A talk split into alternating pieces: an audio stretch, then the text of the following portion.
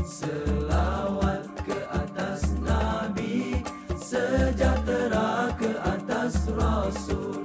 Nabi-Nabi yang diutuskan Mereka semua adalah mulia. Adam, Idris, Nuh, Saleh Ibrahim, Lut, Ismail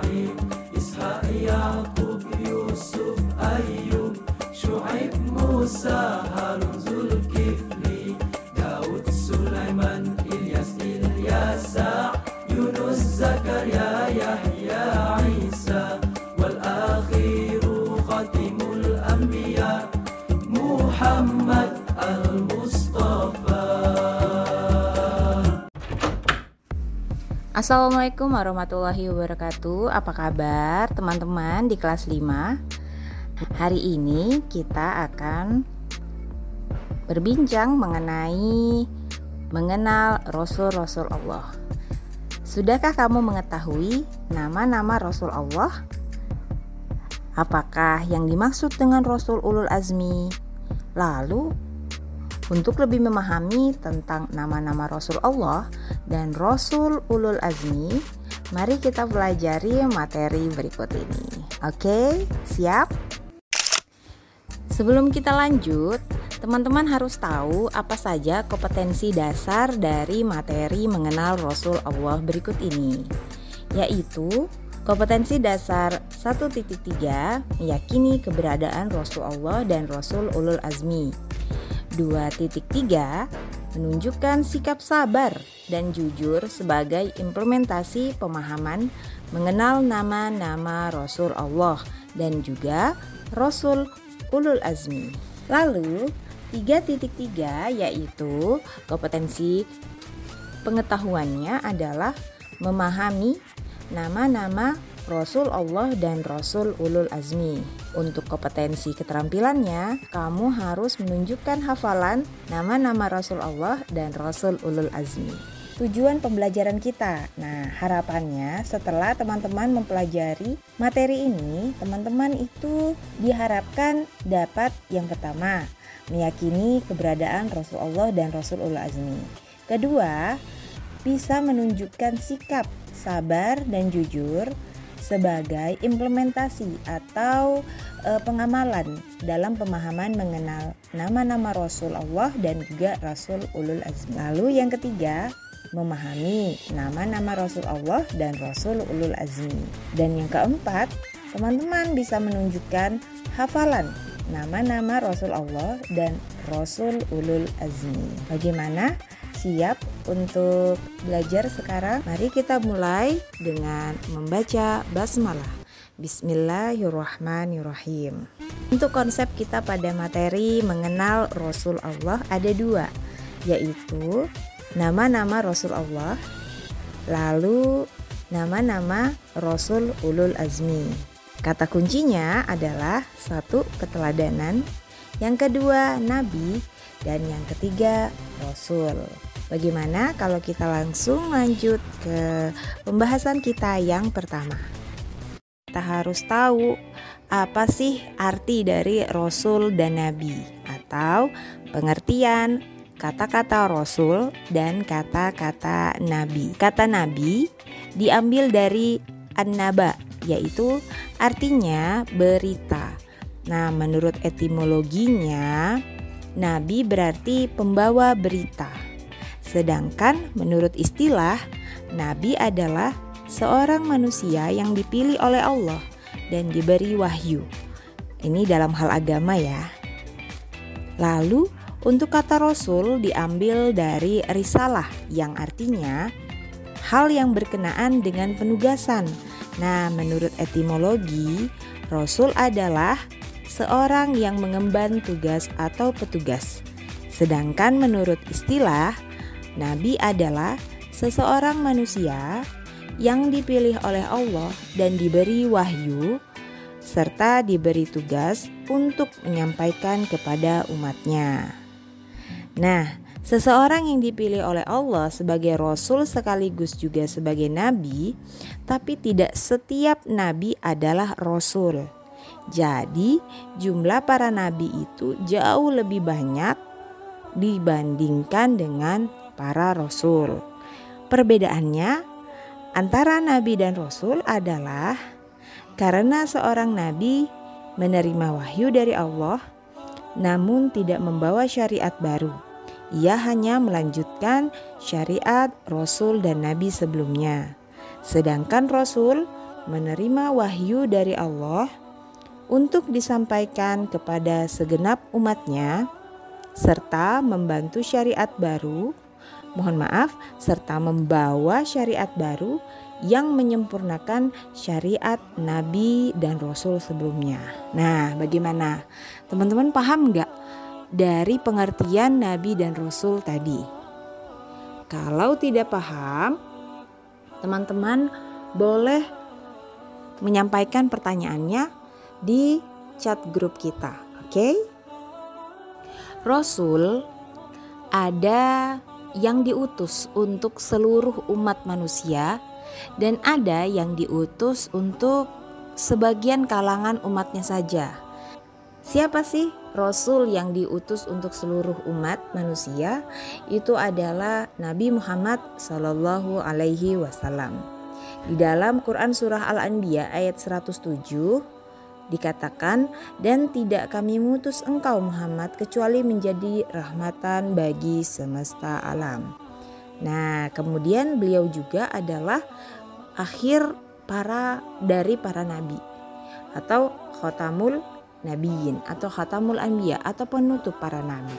E, nabi yang diutus untuk beberapa atau kalangan tertentu itu seperti e, Nabi Daud untuk Bani Israel dengan kitabnya yaitu Zabur. Lalu ada Nabi Musa juga untuk Bani Israel e, membawa kitab yaitu Taurat. Begitu pula dengan Nabi Isa yang diutus untuk Bani Israel dengan kitabnya Injil. Nah, ketika nabi-nabi tersebut sudah meninggal dunia, maka berakhirlah ajarannya. Untuk kita sekarang adalah umat Nabi Muhammad, maka kita menggunakan ajaran Nabi Muhammad. Seperti itu. Teman-teman pasti sudah tahu dong 25 nabi dan rasul. Nah, dari 25 nabi dan rasul yang wajib kita ketahui nama-namanya dan kita hafalkan, ada lima nabi yang diberi gelar ulul azmi. Nah, siapa sih nabi yang diberi gelar ulul azmi atau dikenal dengan rasul ulul azmi. Nah, para rasul yang termasuk dalam ulul azmi ini adalah orang-orang yang memiliki kesabaran, ketabahan dalam menghadapi cobaan dan ujian selama menjalankan tugasnya. Jadi bukan saja kesabaran dan ketabahan yang biasa saja, tapi yang luar biasa sehingga uh, Allah memberikan gelar Rasul Ulul Azmi. Selain kesabaran dan ketabahannya dalam ujian yang berat dan juga tentunya keistiqomahannya dalam beriman kepada Allah atau keteguhan hatinya dalam mempertahankan agama agama Allah seperti itu. Maka pantaslah kelima nabi dan rasul ini dimasukkan di dalam ulul azmi. Ada lima rasul yang termasuk dalam rasul ulul azmi yaitu Nabi Nuh alaihi salam, Nabi Ibrahim alaihi salam, Nabi Musa alaihi salam, Nabi Isa alaihi salam dan Nabi Muhammad sallallahu alaihi wasallam. Nah, jadi biar mudah diingat, maka Bu Guru akan menyingkat dengan NIMIM, yaitu N untuk Nuh, I untuk Ibrahim, M untuk Musa, I untuk Isa, dan M untuk Muhammad. Mereka ini dikatakan memiliki tingkatan tertinggi di kalangan Rasul. Apa saja sih peristiwa atau kejadian yang membuat Nimim ini masuk dalam Rasul Ulul Azmi. Kita akan bahas sebentar lagi, oke? Okay? Nabi Nuh alaihi salam mengalami cobaan yang sangat berat karena selama ratusan tahun berdakwah hanya puluhan orang yang mau mengikutinya. Nah, apa, sudah pada pernah baca nggak ya kisahnya Nabi Nuh? Nah, apalagi anak laki-lakinya yang bernama Kanan itu justru menentangnya dan memilih mengikuti ajarkan orang-orang kafir. Walaupun ada juga anak Nabi Nuh yang beriman. Jadi hanya Kanan yang e, durhaka karena mengikuti ibunya seperti itu. Lalu ada Nabi Ibrahim alaihissalam mengalami cobaannya apa ya yang sangat berat karena harus apa bermusuhan dengan ayah kandungnya kemudian dibakar hidup-hidup oleh Raja Namrud walaupun alhamdulillah diselamatkan oleh Allah. Lalu setelah itu harus tega meninggalkan istri dan anak-anaknya yang uh, anaknya yang masih bayi di tempat yang sepi dan juga gersang. Dan yang paling berat ketika Allah memerintahkan menyembeli anak laki-lakinya yaitu Nabi Ismail alaihi salam. Alhamdulillah pula digantikan dengan seekor domba seperti itu. Lalu ada Nabi Musa alaihi salam mengalami cobaan yang sangat berat karena harus berhadapan dengan Firaun. Nah, raja ini yang memiliki kuasa eh, apa ya? Kekuasaannya itu sangat kuat eh, sangat luas memerintah dengan sangat kuat dan kejam apalagi Firaun ini adalah hmm, orang yang memelihara Nabi Musa sejak kecil eh, tepatnya sejak bayi ya. Eh, tahu kan kisah yang ketika Nabi Musa dihanyutkan ketika waktu masih kecil oleh ibunya lalu ditemukan oleh istri Firaun dan seterusnya seperti itu. Lalu ada Nabi Isa alaihissalam mengalami cobaan yang sangat berat karena dikejar-kejar hendak dibunuh oleh pasukan kerajaan Romawi. Kemudian Nabi Isa alaihissalam dihianati oleh pengikutnya sendiri sampai akhirnya Nabi Isa alaihissalam diselamatkan oleh Allah dengan diangkat ke langit. Lalu yang terakhir adalah Nabi Muhammad sallallahu alaihi wasallam mengalami cobaan yang sangat berat karena sejak dalam kandungan sudah menjadi yatim alias tidak memiliki ayah dan sejak kecil hidupnya menderita. Ibunya meninggal disusul kakeknya dan ketika dewasa dan sudah diangkat menjadi rasul, cobaannya semakin berat karena diusir dari kampung halamannya yaitu kota Mekah. Lalu tidak jarang dalam dakwahnya Nabi Muhammad SAW mengalami penyiksaan seperti dilempari kotoran unta, diludahi, dilempari batu, bahkan beberapa kali hendak dibunuh. Nah, teman-teman, dari cuplikan yang Bu Guru sampaikan mengenai peristiwa yang membuat lima orang Rasul ini menjadi Rasul Ulul Azmi, semoga bisa memberi gambaran Nimin ini atau Rasul Ulul Azmi. Bagaimana ketabahan dan kesabarannya dalam menghadapi ujian ketika berdakwah di dunia ini Perbedaan Nabi dan Rasul. Nah, tentang perbedaan antara Nabi dan Rasul, sebagian ulama berpendapat bahwa Nabi dan Rasul itu sebenarnya sama, tidak ada perbedaannya. Tetapi sebagian lainnya berpendapat pengertian Nabi dan Rasul itu berbeda. Kalau Rasul pasti Nabi, dan seorang Nabi belum tentu Rasul. Perbedaan Nabi dan Rasul adalah Nabi tidak mendapatkan wahyu dari Allah tetapi hanya melanjutkan menyampaikan wahyu dari Rasul sebelumnya kepada umatnya. Contoh Nabi Khidir, Nabi Harun, dan Nabi lainnya. Sedangkan seorang Rasul adalah mereka yang menerima wahyu dari Allah dan membawa syariat baru yang menyempurnakan syariat Nabi sebelumnya. Bagaimana? Paham? Dan para nabi dan rasul pastinya adalah seorang laki-laki. Pernah dengar nggak lagu begini? Sifat-sifat Nabi yang wajib baginya Eloklah kita menghafalnya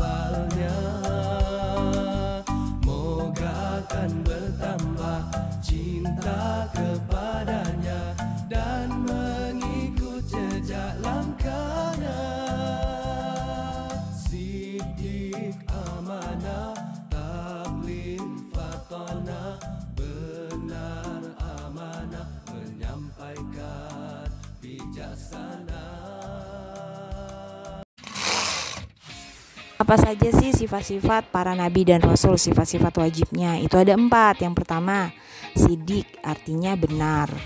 Jadi tutur katanya dan tingkah lakunya itu benar.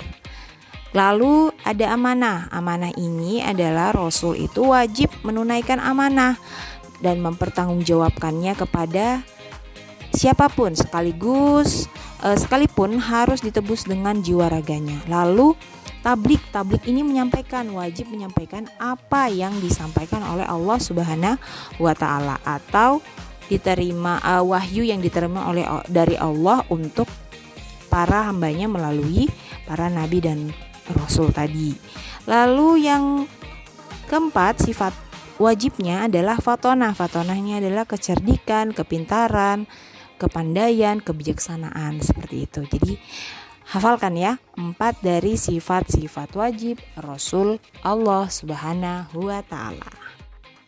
Lalu, ada yang namanya sifat-sifat mustahil, alias tidak mungkin seorang nabi dan rasul memiliki sifat ini. Nah, sifat-sifat mustahil ini kebalikan dari sifat-sifat wajib. Dusta khianat menyembunyikan mustahil bagi nabi kalau sidik itu bertutur kata baik, benar, maka sifat mustahilnya adalah kizib atau pendusta. Tidak mungkin nabi dan rasul Allah itu seorang pendusta dari perkataan maupun perbuatannya. Lalu yang kedua amanah atau khianat. Khianat ini berkhianat ya. Lalu yang ketiga tablik. Tablik itu menyampaikan. Nah, kalau mustahilnya adalah kitman atau menyembunyikan wahyu. Dan yang terakhir fatona. Fatona itu kan adalah cerdas, sedangkan mustahilnya adalah baladah alias bodoh. Sampai kita di hikmah diutusnya para nabi dan rasul. Mengapa ya Allah itu mengutus para nabi dan rasul? Apa sih hikmahnya diutusnya para nabi dan rasul tersebut? Jawabannya adalah sebagai berikut. Satu, Allah itu mengutus para nabi dan rasul untuk mengenalkan manusia tentang Rob dan penciptanya yang sebenarnya. Maka mereka mendakwahkan, mereka pula menyampaikan kepada kita untuk beribadah itu hanya kepada Allah Subhanahu wa taala. Lalu yang kedua, agar manusia dapat menggunakan nikmat kehidupannya dengan baik dan mengetahui bagaimana sih cara bersyukur kepada Allah Subhanahu wa taala. Jadi caranya nanti nggak salah ya, seperti itu.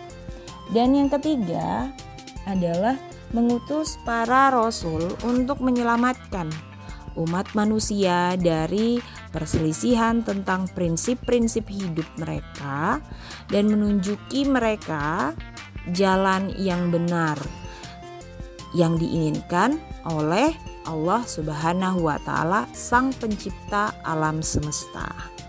Lalu yang keempat, Allah mengutus para rasul untuk iqamutuddin menegakkan agama untuk menegakkan agamanya Allah seperti itu ya.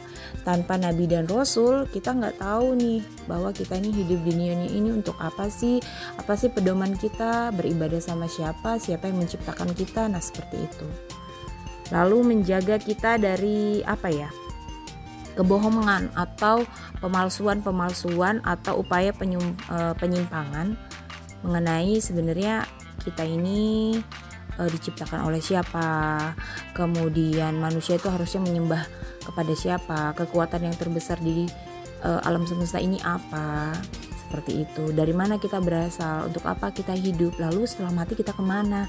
Nah, hal-hal yang seperti itu kan rawan untuk kita dibohongi seperti itu. Dengan adanya nabi dan rasul, kita jadi tahu atas semua e, hakikat kehidupan atau hmm, tentang kehidupan yang kita jalani di dunia ini.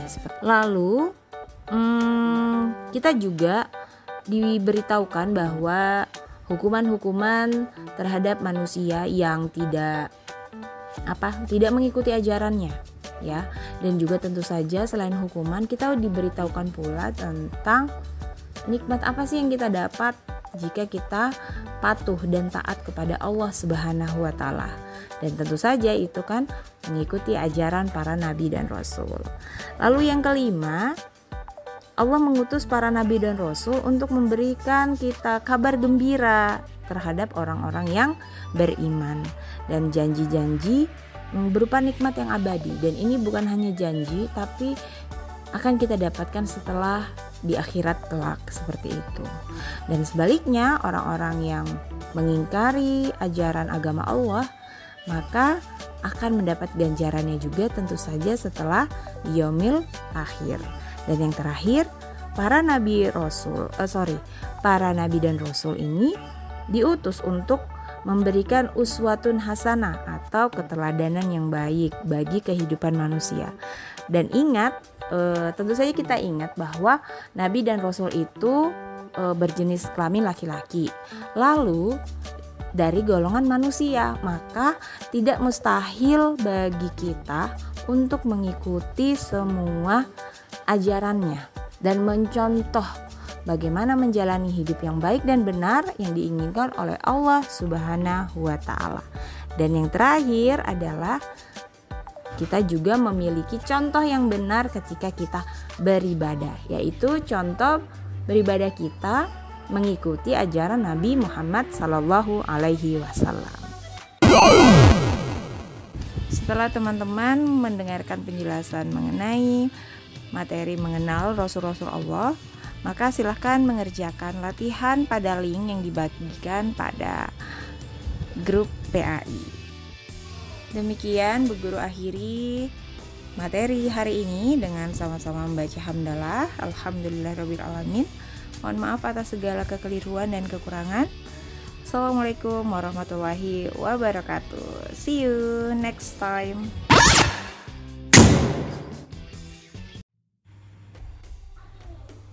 Hadis Rasulullah Shallallahu Alaihi Wasallam yang artinya wahai Nabi Allah siapakah Nabi pertama? Rasulullah Shallallahu Alaihi Wasallam bersabda Adam alaihi Adam alaihi salam. Ia berkata saya berkata wahai Nabi Allah apakah Adam seorang nabi? Rasulullah Shallallahu Alaihi Wasallam bersabda ya Nabi yang diajak bicara diciptakan Allah dengan tangannya, kemudian ditiupkan ruhnya, lalu berfirman kepadanya, Hai Adam, majulah. Wahai Nabi Allah, berapa jumlah para nabi?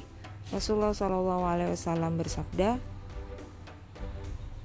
124 ribu. Rasul berjumlah 315, sangat banyak. Hadis riwayat Ahmad nomor 21.257